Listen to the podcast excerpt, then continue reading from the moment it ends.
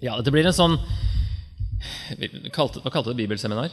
Morgenseminar. For det er som bibeltime skråstrek seminar. Det blir egentlig veldig mye bibel eh, i form av et seminar. Så en slags god gammeldags eh, bibeltime. Ut fra 1. Johannes, som da er det som eh, var oppgaven. Som har vært veldig gøy for meg å, å jobbe med. Tro og frelsesvisshet, og om vi kan vite at vi er frelst, og hva vil det si å vandre i lyset, som Johannes, eh, Johannes skriver om i 1. Johannes? Nå snakker jo Bibelen både om det å være frelst nå og det å bli frelst. Eh, sånn at eh, egentlig er det ingen som er helt frelst før Jesus kommer igjen, eller til vi har liksom stått livet ut. Men vi kan snakke om at vi er frelst nå hvis vi da fortsetter på samme kurs som vi er på nå. Ja, så for å være helt korrekt så kanskje vi må spørre om kan vi vite at vi blir frelst. Men uh, vi pleier å snakke om at vi er frelst. Og det er egentlig som sagt begge deler. Uh, begge, ord, ja, begge typer ordbruk finner vi i Bibelen. Da. Men så må vi jo tenke tro og visshet. Er ikke det litt sånn motsetninger? Uh, kan vi vite når det er bare basert på tro? Vi sier jo ofte at vi tror når vi ikke vet, osv. Hvis du slår opp i ordboka, Norsk ordbok, Eh, på ordet tro så er det ganske stort spenn på hva det kan bety. Helt fra anta eller å forestille seg eller å mene. Det er veldig sånn vage eh, definisjoner. Så begynner det liksom å bli litt eh, mer sånn eh, hold i det. Ha tiltro til. Stole på. Være nesten sikker på føle seg sikker på eller være overbevist om. Det er ganske langt å gå da, fra anta noe til å være overbevist om noe. Så det ordet brukes veldig forskjellig. I Bibelen så brukes det i den enden av skalaen, mens i vanlig norsk så er det mer der. Hva vi tror, fordi vi ikke vet. Så hvis jeg er overbevist om noe, så må det være at du har fått nok bevis til at du eh, tror. Og det er sånn Bibelen egentlig definerer tro. En, vi kan kalle det eh, en definisjon. Da. Tro er noe som kommer inn i bildet når man holder noe for sant uten å kunne bevise det. Og Hvis du slår opp i det greske ordet for å tro, i et, eh, et sånn gresk leksikon, så kommer det da To consider something to be true and therefore worthy of one's trust. Det er første definisjonen. Så det er liksom hoveddefinisjonen. Det er langt unna anta på norsk. To entrust oneself to an entity in complete confidence. Det er også ganske mye mer sikkert. Og så har, har det med å entrust something to someone, altså betro noe til en annen person.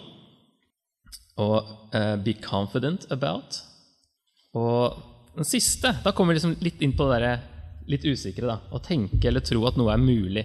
Og det forekommer bare tre ganger ifølge dictionaryen her da, på eh, når ordet har den betydningen. I de tre versene her. Romerne 14,2 og Johannes eh, 9,18 og Apostelens 9,26. Ingen av de stedene handler om å ha tro til Gud. Det handler om å ha tro på hva du kan spise i Romerne 14. Om du har tro for å spise kjøtt eller bare grønnsaker.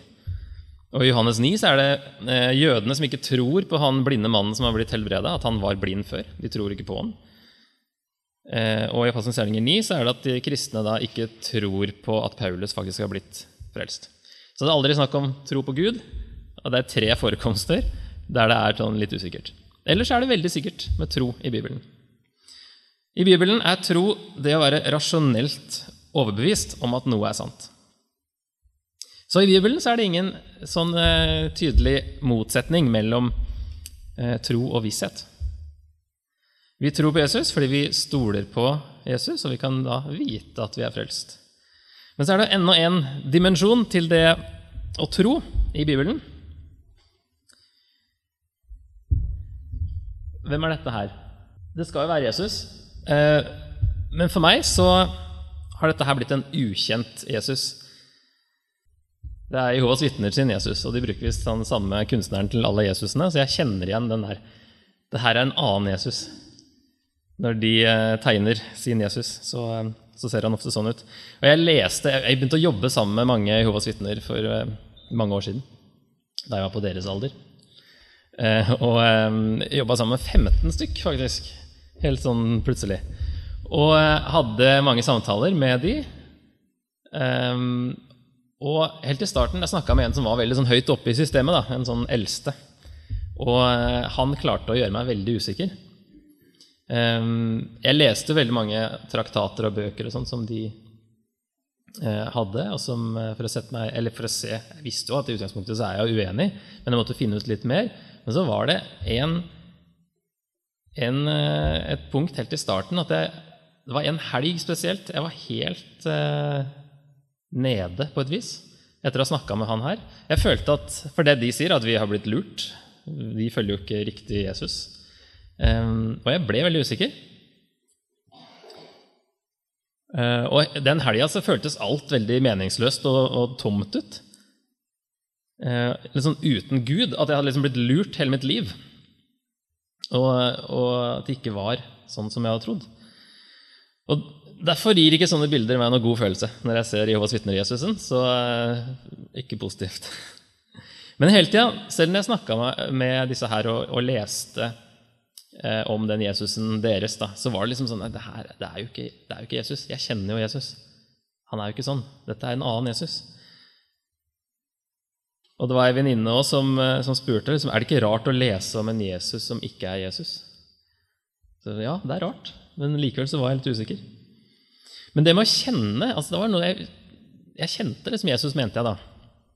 Og her tror jeg vi kommer inn på noe viktig som det skal handle om videre.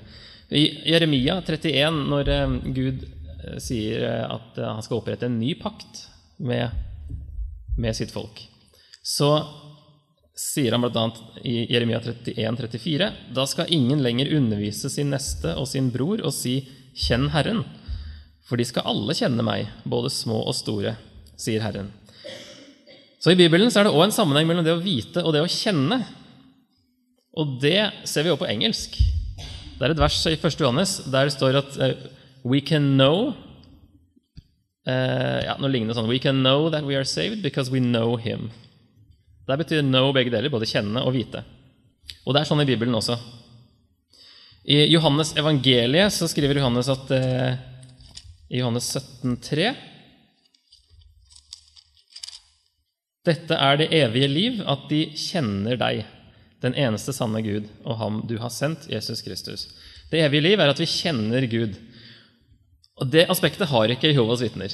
Det med å kjenne Gud. I deres oversettelse så står det dette er det evige liv, at de stadig tilegner seg kunnskap om deg, den evige, eh, den eneste sanne Gud.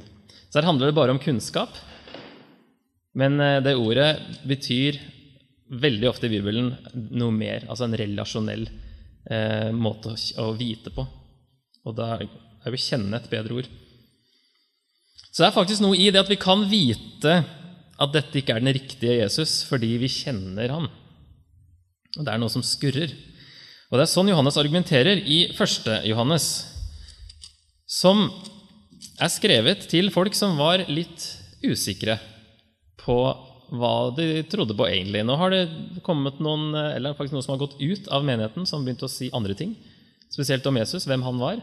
Og så er de litt usikre, og så må Johannes eh, eh, forklare dem, berolige dem, og bare minne dem om det de egentlig vet. Så vi kan lese fra, versene fra kapittel 2. Så får vi litt som bakgrunn i hva som har skjedd. De kom fra oss, men de var ikke av oss. Hadde de vært av oss, ville de blitt hos oss. Det er snakker om de som har gått ut av menigheten. Slik skulle det bli klart at ikke alle er av oss. Men dere er alle salvet av Den hellige og kjenner sannheten. Jeg skriver ikke til dere fordi dere ikke kjenner sannheten, men fordi dere kjenner den og vet at ingen løgn kommer fra sannheten. Og hvem er løgneren, om ikke den som fornekter at Jesus er Kristus? Han er antikrist, han som fornekter Faderen og Sønnen. Den som fornekter Sønnen, har ikke fellesskap med Faderen. Den som bekjenner Sønnen, har også fellesskap med Faderen. La det som dere har hørt fra begynnelsen, bli værende i dere, for dersom det dere har hørt fra begynnelsen, blir i dere, vil også dere bli værende i Sønnen og i Faderen, og dette er det Han har lovet oss, det evige liv. Når jeg skriver dette, tenker jeg på dem som fører dere vill. Så det er en menighetssplitt som har skjedd. Noen har gått ut av menigheten. De fornekter at Jesus er Kristus, eller at Jesus er Messias. Kristus betyr jo Messias. Eh, de skaper forvirring, og de fører vill, og de fornekter at Jesus kom som et menneske, ser vi andre steder i kapittel 4 f.eks. På dette kjenner dere Guds ånd. Hver ånd som bekjenner at Jesus Kristus er kommet i kjøtt og blod, er av Gud. Men enhver ånd som ikke bekjenner Jesus, er ikke av Gud. Så det at Jesus Kristus har kommet som et menneske i kjøtt og blod, de mente tydeligvis noe annet, og han sier at dette er ikke av Gud. Og Dermed så blir det jo frelse et annet sted enn Jesu død på korset. Um, og det her var muligens en forløper til såkalt gnostisisme. Han sier jo ikke at det, at det er uh, gnostikere, men det er mye som, som ligner, og det, det, ble liksom en trussel senere. Men uh, det kan jo være, det må jo ha starta et sted, så det kan jo være at dette er en sånn uh, tidlig form for gnostisisme, der man hevdet at man måtte ha spesiell kunnskap, gnosis på gresk, for å bli frelst. Og eh, Jesus var enten ikke et menneske, det bare så sånn ut, eller han eh, var bare et menneske som var Kristus i tre år, eh, fra dåpen til korsfestelsen. Men Kristus døde ikke på korset. Kristus gikk opp igjen til Gud før det. Så det var to forskjellige syn på Jesus. Det er mye som, som ligner som sagt, på det. Og vi vet også fra kirkehistorien at Johannes møtte faktisk en av disse gnostiske lederne. I hvert fall ifølge Eh, han som skriver. Stoler på han. Og han bruker også verbet for å tro som, Han snakker veldig mye om Nei, verbet for å vite. Han nevner, snakker masse om å vite i 1. Johannes. Og han bruker to, to, eh, ord for det, og det ene er eh, veldig nært altså Det er verbformen av gnosis. Så det kan være at han faktisk bruker det med vilje for å gå imot en sånn spesial kunnskap som han trodde man trengte for å bli frelst. Så hans hensikt er å bevare menigheten og få dem til å holde seg til budskapet de hørte i begynnelsen, som han sa her. La det som dere har hørt fra begynnelsen, bli værende i dere. For dersom det dere har hørt fra begynnelsen, blir i dere, vil også dere bli værende i Sønnen og i Faderen. Så han peker eh, bakover til starten. Ireneus, en av kirkefedrene, han sa at eh, originalitet er det siste man bør forvente av en teolog. Vranglære oppstår fra kløen etter noe nytt. Så en teolog bør ikke være original. Det er alltid tilbake til utgangspunktet, det grunnleggende. Og så vil han forsikre dem om at de har evig liv. Dette er jo et veldig viktig vers, som vi kommer til mot slutten, i 5.13. Dette har jeg skrevet til dere for at dere skal vite at dere har evig liv, dere som tror på Guds sønn, sønns navn. Så der peker han framover.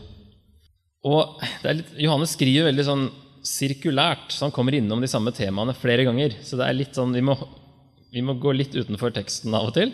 Men eh, så er det litt utfordrende å bare ta en liten del av brevet, fordi han kommer inn på samme tingene fire-fem ganger.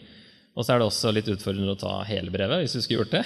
Fordi det, han skriver sånn sirkler. Paulus skriver veldig sånn eh, lineært og bygger opp argumentet veldig tydelig. Mens Johannes og Jakob de skriver på en helt annen måte. egentlig. Men han har en åpning, sånn som Paulus òg har, som var vanlig eh, ut fra taler også. Hvis man skulle holde en tale, så var det retorisk riktig da, å, å ha en sånn åpning der man etablerte autoritet og karakter for seg sjøl. Så du fikk liksom troverdigheten og fikk oppmerksomheten. Og det er sånn her Johannes åpner eh, brevet sitt. Og så skal det også peke framover på hva som kommer. Så det er en slags sånn i operaen en sånn overtyre, der du får høre litt sånn temaer som kommer igjen eh, utover hele stykket, så er det det samme i brevene. Det som blir sagt i introen, det, er, det legger liksom føringa for, for, resten av brevet. Så her er veldig viktig å se på det. Eh, og så er det de tingene han skal snakke om, som han nevner her. da. Det som var fra begynnelsen, det vi har hørt, det vi har sett med egne øyne, det vi så og som hendene våre tok på, det forkynner vi. Livets ord. Og livet ble åpenbart. Vi har sett det og vitner om det og forkynner dere det evige liv som var hos Far og ble åpenbart for oss. Det som vi har sett og hørt, forkynner vi også for dere, for at dere skal ha fellesskap med oss, vi som har fellesskap med Far og med Hans Sønn Jesus Kristus. Og dette skriver vi for at vår glede skal være fullkommen. Så han understreker her at han er et øyenvitne, og at han derfor har en spesiell autoritet eh, angående Jesus. Veldig mange ganger han snakker om at vi har sett og hørt, og vi tok på. Men så sier han det som var fra begynnelsen, det har vi sett, og det har vi hørt, og det har vi tatt på. Og det, det evige liv som ble åpenbart for oss, det har vi sett og hørt og tatt på. Det er, det er Jesus han snakker om, men han snakker om mye mer enn bare Jesus når han kaller ham for det. Fordi det her er, så Han snakker egentlig om hele evangeliet. At Jesus han har tatt fysisk på evangeliet. At Jesus er hele evangeliet. Så når han snakker om det evige liv her, som ble åpenbart, så er ikke det eh, et tidskonsept eller eh, en sånn evighetstilstand. Men det er faktisk Jesus selv han snakker om som det evige liv. Så han vil minne leserne om at det, det handler om Jesus. Det handler om å bli i Jesus, den riktige Jesus. Så det kristne budskapet er liksom identisk med Jesus. Umulig å skille evangeliet fra Jesus. Og det er også umulig å skille den historiske Jesus fra troens Kristus, som han ofte kaller, eh, kaller ham. Men det er, det er, eh, de er identiske. Så det evangeliet de kanskje nå egentlig har hørt, og som nå kanskje tviler på litt eh, Det evangeliet er Jesus, og det, det, var den Jesus som Johannes var sammen med. Så han eh, minner om det, at jeg jeg var der. Jeg, jeg, er en av de få som kanskje den siste gjenlevende av apostlene når han skriver det her. Så han har jo autoritet på det området. Så sier han at det dreier seg om et fellesskap. Vi forkynner det for dere for at dere skal ha fellesskap med oss. Vi som har fellesskap med Far og med Hans Sønn Jesus Kristus. Så det er et fellesskap mellom de troende og et fellesskap mellom Jesus og Faderen da, og de troende. Og at de påvirker hverandre, tror jeg vi kommer til å se. Så Johannes begynner ikke på en sånn, litt sånn eh, Paulus-måte, der han liksom går rett i vrangstrupen på vranglærerne.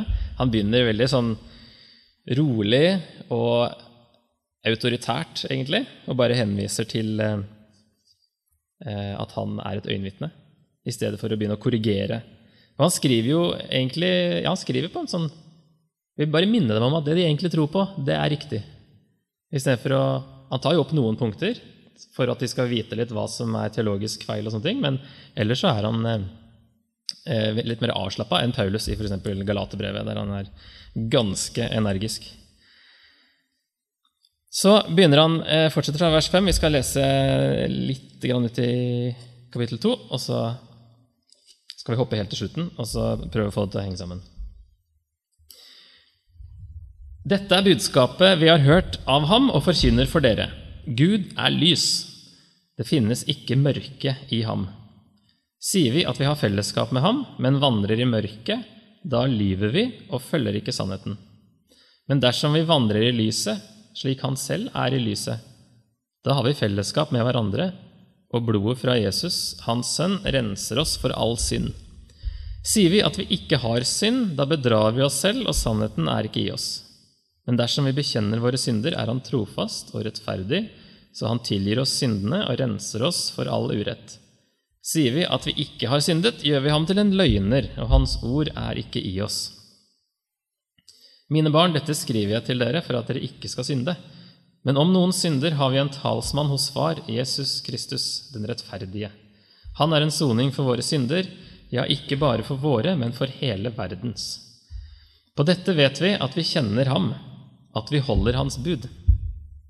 Den som sier 'jeg kjenner ham', men ikke holder hans bud, er en løgner, og sannheten er ikke i ham. Men Guds kjærlighet er i sannhet blitt fullendt i den som holder hans ord, og slik kan vi vite at vi er i ham.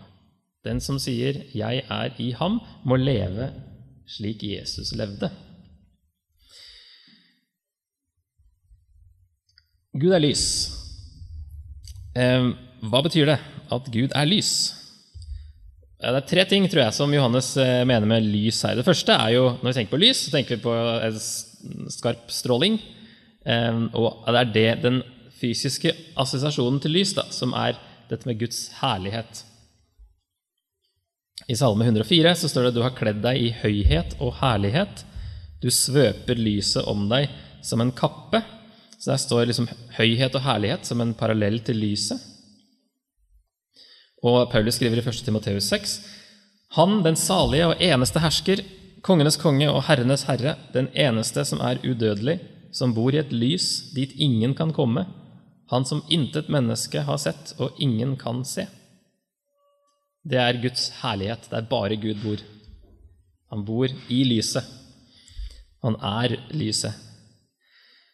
Og så brukes det også eh, om sannhet, sånn intellektuelt lys. I første, nei, Johannes 1 så skriver Johannes da at det sanne lys som lyser opp ethvert menneske, opplyser ethvert menneske, kom nå til verden. Intellektuell opplysning. Det er jo et ord her som også det lyser opp ordet. Opplyser. Det ble også brukt i filosofien for å liksom få opplysning. Så Johannes spiller på det og sier at eh, den ordentlige opplysningen kommer med Jesus, som er det sanne lys. Og så har vi dette med at det er hellighet, som han sier at det finnes ikke noe mørke, og mørkets gjerninger er onde osv., som han sier her i Johannes 3. Dette er dommen. Lyset er kommet til verden, men det er ikke kommet opp der. Menneskene elsket mørket høyere enn lyset fordi deres gjerninger var onde. For den som gjør det onde, hater lyset og kommer ikke til lyset, for at hans gjerninger ikke skal bli avslørt. Men den som følger sannheten, kommer til lyset, så det skal bli klart at hans gjerninger er gjort i Gud. Så her har vi både sannheten eh, som en del av lyset, og at det onde ikke hører til i lyset, dvs. Si at lyset er hellighet.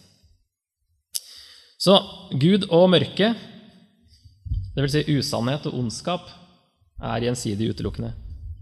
Det litt lavt på slutten der. Det finnes ikke noe ondskap i Gud, det finnes ikke noe mørke, det finnes ikke noe usannhet i Gud. Så hva betyr det da å vandre i lyset? Det høres jo ut som litt sånn dårlig stemning eh, mellom de som har gått ut fra menigheten, og de som er igjen. På det Johannes skriver her, at eh, sier vi at vi har fellesskap med ham, men vandrer i mørket, da lyver vi og følger ikke sannheten. Kanskje de sa det, disse andre, at eh, nei, vi eh, kjenner Gud, selvfølgelig. Vi vandrer i lyset, vi. Men Johannes vil da forklare at eh, det er ting de kan se, at de, de gjør ikke det. De vandrer ikke i lyset. Men hvis Gud er lys, og det å vandre i lyset Det vil jo da si at det er å vandre i Gud, egentlig. Det er det samme. Og i 2.4, som vi leste i stad, så sier han eh, Skal vi se Først skal vi få opp her. Eh, I 2.4 sier han eh, Den som sier 'jeg kjenner ham', men ikke holder hans bud, er en løgner, og sannheten er ikke i ham. Så det blir en, en parallell.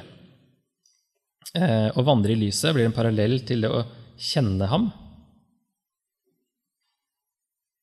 Snakker om sannheten er ikke i ham, og i 1.6 så snakker han om at eh, da lyver vi og følger ikke sannheten. Og så sier han i, også, i samme verset, 2.4, altså eh, den som sier 'jeg kjenner ham', men ikke holder hans bud, er en løgner. Så det vil si det å kjenne ham, det har med å gjøre å holde hans bud. Hva slags bud er det snakk om da? Er det snakk om hele Mosloven? At vi må holde hele Mosloven for å kjenne Gud? Det er jo noe sant i det, fordi det er jo det som er uttrykk for Guds vilje og Guds karakter, ser vi i Mosloven, hvordan han er. Men eh, litt senere i brevet så definerer faktisk eh, Johannes hva dette her vil si, i 3.23. Så sier han, og dette er hans bud, vi skal tro på hans sønn Jesu Kristi navn og elske hverandre slik som han bød oss. Så tro på Jesus og elske hverandre, det er liksom eh, budet som vi har fått. Og som Jesus også sa, at elsk Gud og elsk de neste, så oppfyller du loven. Så vi kan slutte ringen her. Eh, fellesskap med Gud betyr at du kjenner Gud. Det ligger jo litt i ordet. Og det vil si at du holder hans bud. Hans bud er å tro på Jesus og elske andre kristne spesielt. Det er det fellesskapet han snakker om her. Og så sier han i vers 7, som en kontrast da, til det her Først sier han altså, sier vi at vi har fellesskap med ham, men vandrer i mørket, da lyver vi og følger ikke sannheten. Men dersom vi vandrer i lyset, slik han selv er i lyset, da har vi fellesskap med hverandre. Så det er liksom nummer to. Men hvorfor sier han ikke eh, fellesskap med Gud? Det er det som liksom er forventa ut fra den parallellen fra verset før. Sier vi at vi har fellesskap med ham, men vandrer i mørket? Men dersom vi vandrer i lyset, da har vi fellesskap med hverandre. Det er litt sånn overraskende bit der. Men det er nok fordi det er umulig å ha fellesskap med Gud uten å ha fellesskap med andre kristne.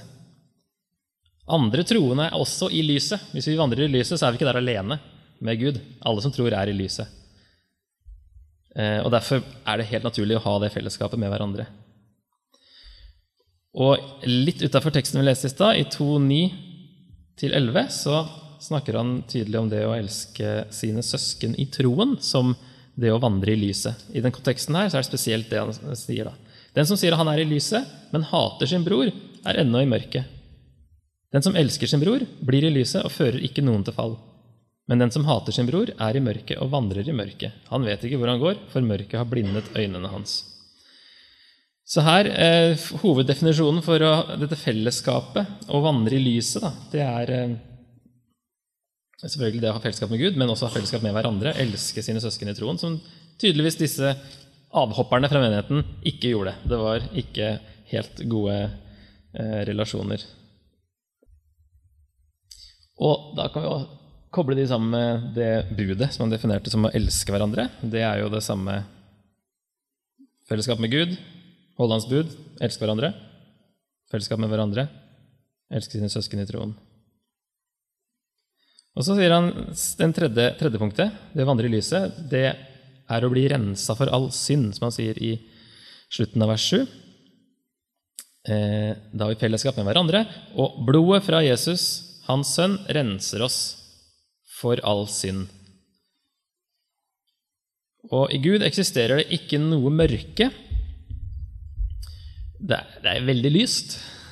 Og du tror kanskje at, eh, vi tror kanskje vi har godt nok lys her inne.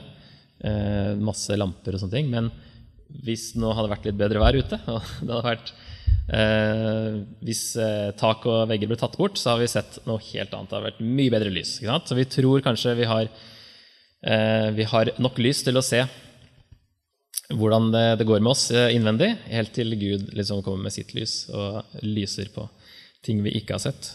Og vi blir oppmerksomme på at vi trenger å bli rensa. Så sier han videre, forklarer det her litt, da, at hvis Jesus renser oss for all synd, så sier han fra vers 8.: Sier vi at vi ikke har synd, da bedrar vi oss selv, og sannheten er ikke i oss. Men dersom vi bekjenner våre synder, er han trofast og rettferdig. Så vi må jo innrømme og bekjenne våre synder. Han skriver jo til kristne her, eh, ikke til ikke-kristne, som må liksom innrømme at de er syndere, men han skriver til kristne som ikke må tro at de er syndfrie, eller har klart å bli syndfrie, Eh, og vil også advare mot å redefinere synd, tror jeg. Eh, og si at nei, nei, jeg har ikke synd. Det der er ikke synd. Uh, da bedrar vi oss selv. Vi villeder oss selv. Fører oss selv ut på villspor, er jo det ordet betyr. Så vi må bekjenne synden for å bli rensa og for å fortsette å kunne ha det fellesskapet med Gud.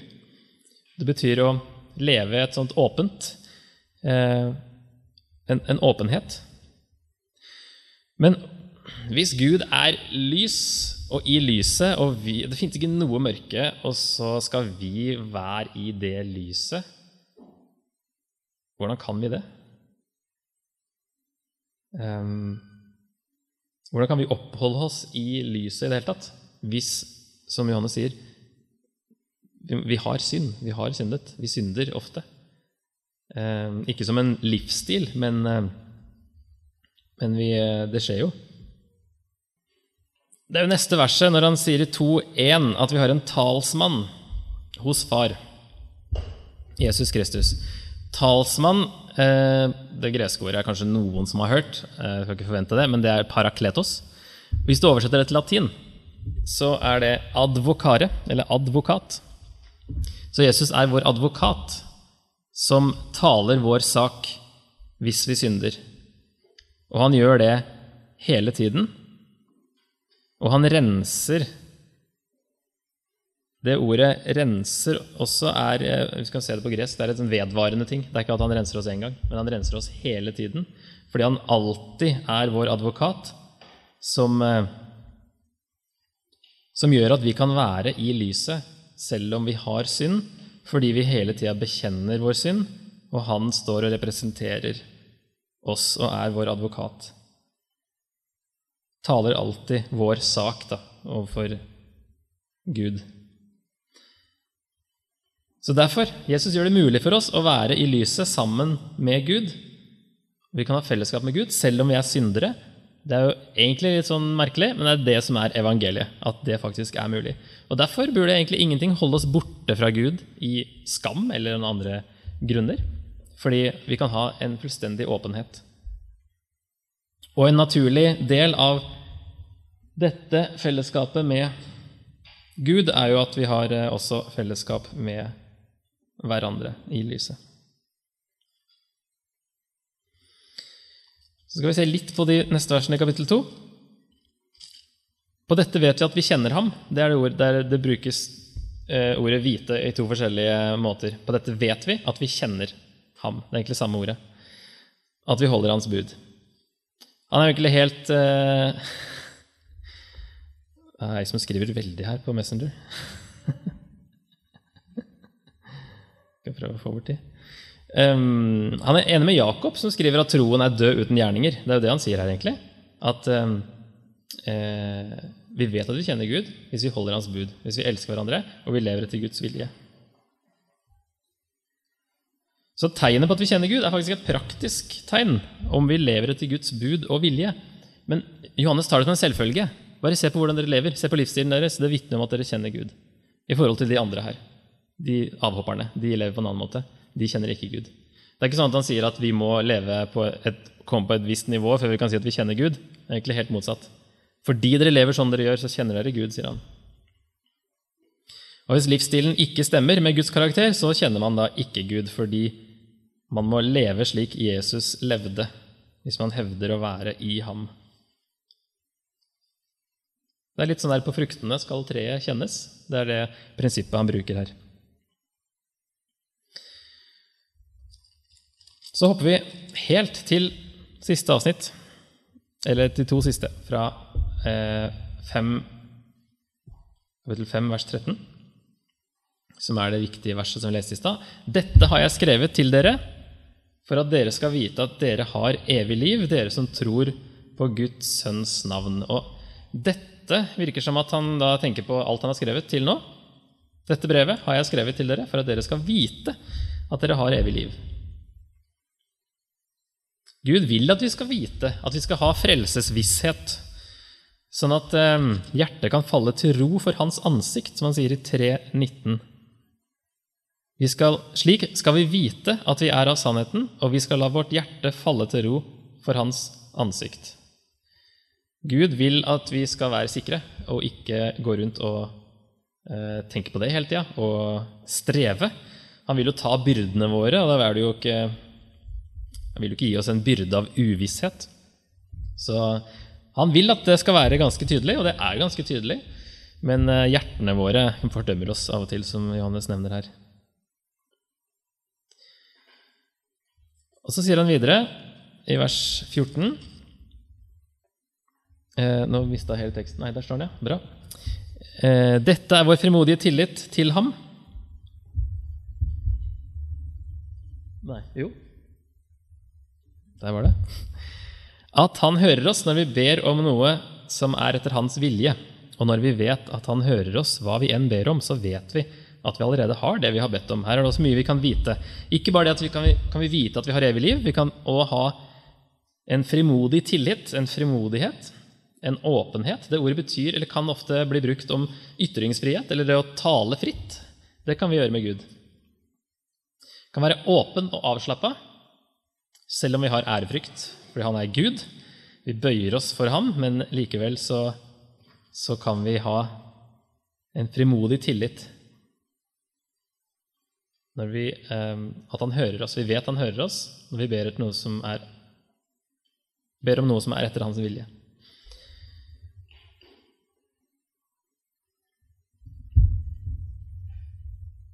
Så vers 18. Vi vet at hver den som er født av Gud, ikke synder. For han som er født av Gud, bevarer ham, så den onde ikke kan røre ham. Her, det er en sånn vers i 1. Johannes som høres veldig ut som at uh, vi er, skal være syndfrie. For Når det står sånn som det her, at den som er født av Gud, ikke synder, så har ikke vi det på norsk.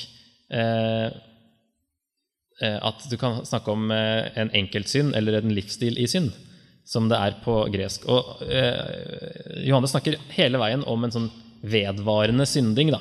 Det at du fortsatt lever i synd. På engelsk kan du av og til ha goes, 'goes on sinning'. Så du får litt mer den der tanken om at det her er en vane, mer enn at du synder én gang. For det gjør vi jo. Men han sier egentlig at ingen, ingen kan eh, fortsette i en syndig livsstil hvis man er født av Gud dvs. Si gjenfødt av Gud. Vi vet, sier han igjen i vers 19, at vi er av Gud, og at hele verden ligger i det onde. Vi vet også at Guds sønn er kommet, og han har gitt oss forstand, så vi kjenner den sanne. Vi er i den sanne, vi som er i Hans sønn, Jesus Kristus. Han er den sanne Gud og det evige liv. Ja, og så den siste setningen. Mine barn, vokt dere for avgudene som nok ikke er helt, eh, noe helt nytt, men det har med alt det han har snakket om her, og en avgud. Altså ikke en, ikke en annen Jesus eller noe annet som tar Jesus sin plass. Han sier at vi vet at Jesus var Guds sønn, i vers 20. Og at han har gitt oss forstand. Og her er et ord som også Platon brukte om en spesiell type kunnskap, som er dianoia, som Johannes bruker bare her og som senere ble brukt av gnostikere som, om denne spesielle kunnskapen som de eh, mente at de hadde.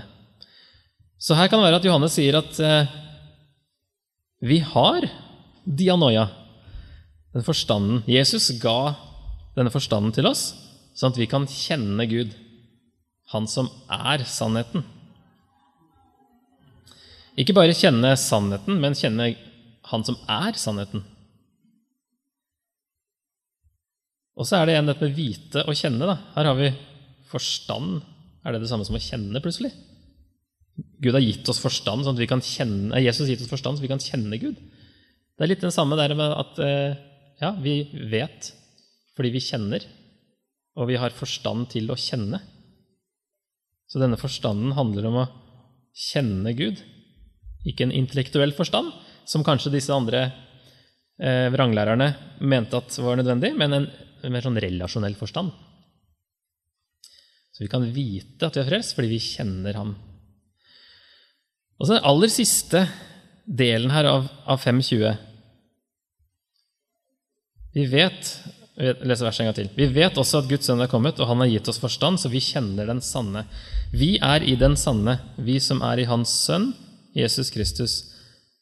Han er den sanne Gud og det evige liv. Hva får dere inntrykk av at han peker tilbake til her? Han er den sanne Gud. Er det til Jesus, eller er det til Gud? Der er meningene delte.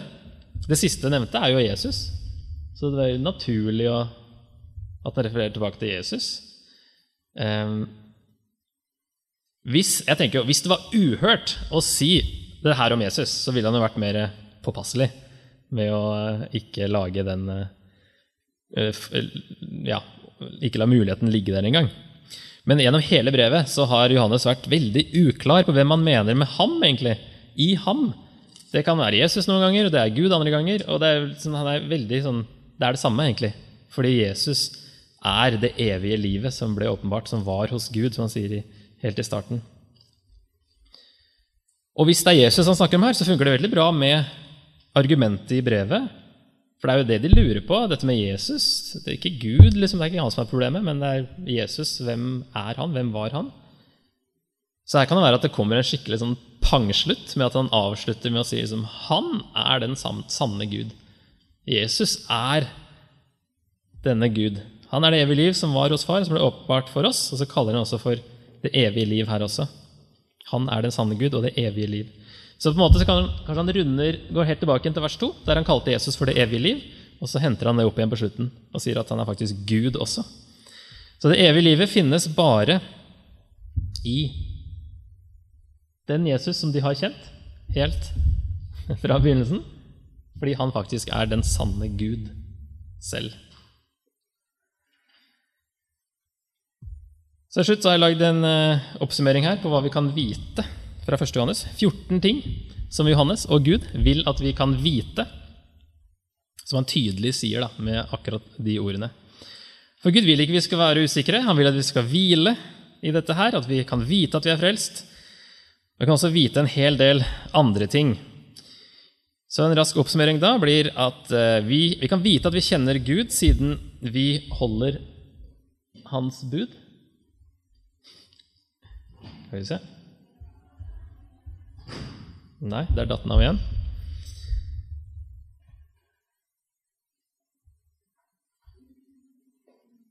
Nesten i mål. Der kom det. Da er det bare jeg som ikke ser det her. Vi kan vite at vi kjenner Gud, ja, siden vi holder Hans bud. Jeg kan jo bare få opp notatene fra den andre Mac-en min hvis det her ikke går.